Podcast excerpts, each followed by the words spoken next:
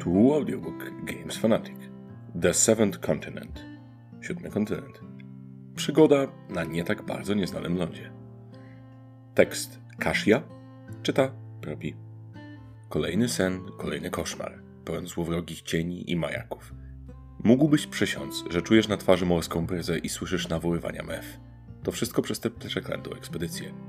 Od czasu powrotu z siódmego kontynentu twoje ciało zaczyna odmawiać posłuszeństwa, a umysł balansuje na granicy szaleństwa. Resztki snu pierzchają w popłochu, gdy otwierasz oczy i spoglądasz na nadbrzeżne klify, tak dobrze ci znane z ostatniej wyprawy. Jakim cudem się tu znalazłeś? Co to wszystko ma znaczyć? Nagle uderza cię przygnębiające przeświadczenie. To musi być jakaś klątwa. Czujesz się coraz gorzej. Nie pozostaje ci nic innego, jak wyruszyć w głąb lądu i rozwikłać zagadkę, zanim będzie za późno. Stwórz własną przygodę. The Seventh Continent to gra przygodowa z mocnym aspektem survivalowym, w której samotnie lub z grupą przyjaciół, do czterech osób, będziemy podążać za mglistymi wskazówkami, próbując zdjąć ciążącą na nas klątwę.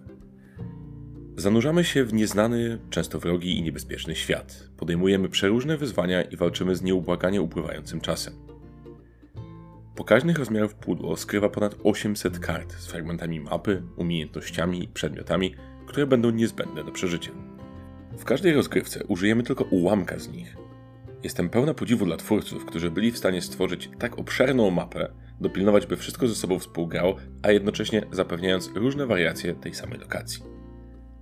Instrukcja zawiera wszelkie potrzebne wyjaśnienia i choć przegryzienie się przez nią zajmuje dłuższą chwilę, to potem zasady są jasne, sensowne, a gdyby zawiodła nas pamięć, łatwe do odnalezienia.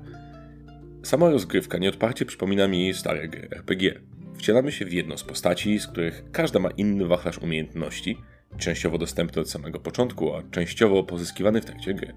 Dostajemy wskazówkę, jak możemy rozwiązać ciążącą na nas klątwę. Zwykle jest ona niejasna, wymaga głębszego zastanowienia i poznania okolicy. Od tej pory sami możemy decydować, co chcemy zrobić. Gra nie prowadzi nas za rączkę, daje tylko początek przygody i lekko popycha we właściwym kierunku. Zaczynamy na karcie terenu, na której znajdują się przeróżne akcje. Może to być na przykład przeszukanie, wspinanie się, walka, polowanie i wiele, wiele innych. Oprócz tego, jeśli nie chcemy żadnej z nich wykonać, możemy po prostu odsłonić następny fragment mapy lub przesunąć postać. Zwykle wiąże się to z odpaleniem jakiegoś wydarzenia, obowiązkowego lub nie. Aż chciałoby się powiedzieć, hulaj dusza, piekła nie ma. Tylko, że nie byłaby to prawda. Każde działanie i próba kosztują nas karty.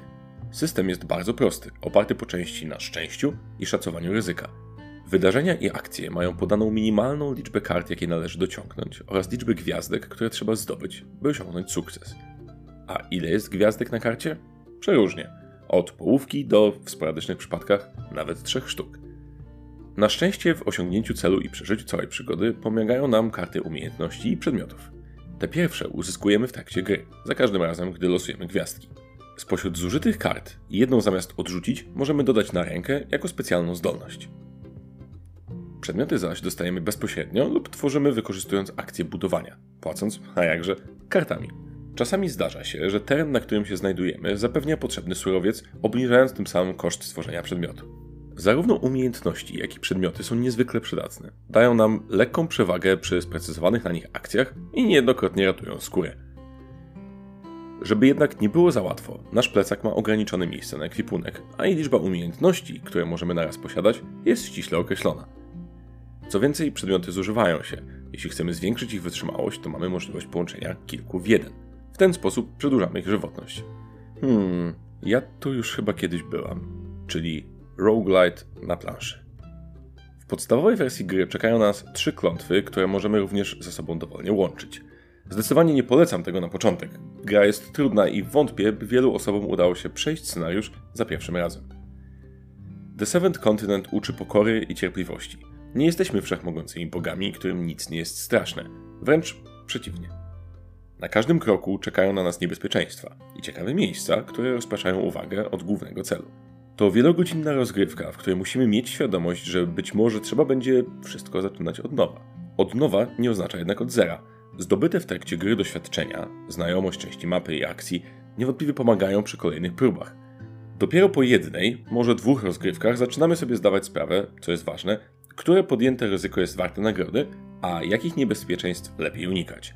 Wydawać by się mogło, że skoro część informacji już znamy, to kolejne rozgrywki będą po prostu nudne. Nic bardziej mylnego. Choć mapa w trakcie jednej klątwy prawie się nie zmienia, to pojawiające się wydarzenia są już bardziej losowe i mają wiele wariacji. Ponadto zdarzają się przedmioty, których posiadanie pozwala na dobranie i dołożenie innego fragmentu mapy niż zwykle, a odnalezienie na kartach terenu ukrytych numerów potrafi zmienić dostępne akcje czy dodać nowe kierunki poruszania się.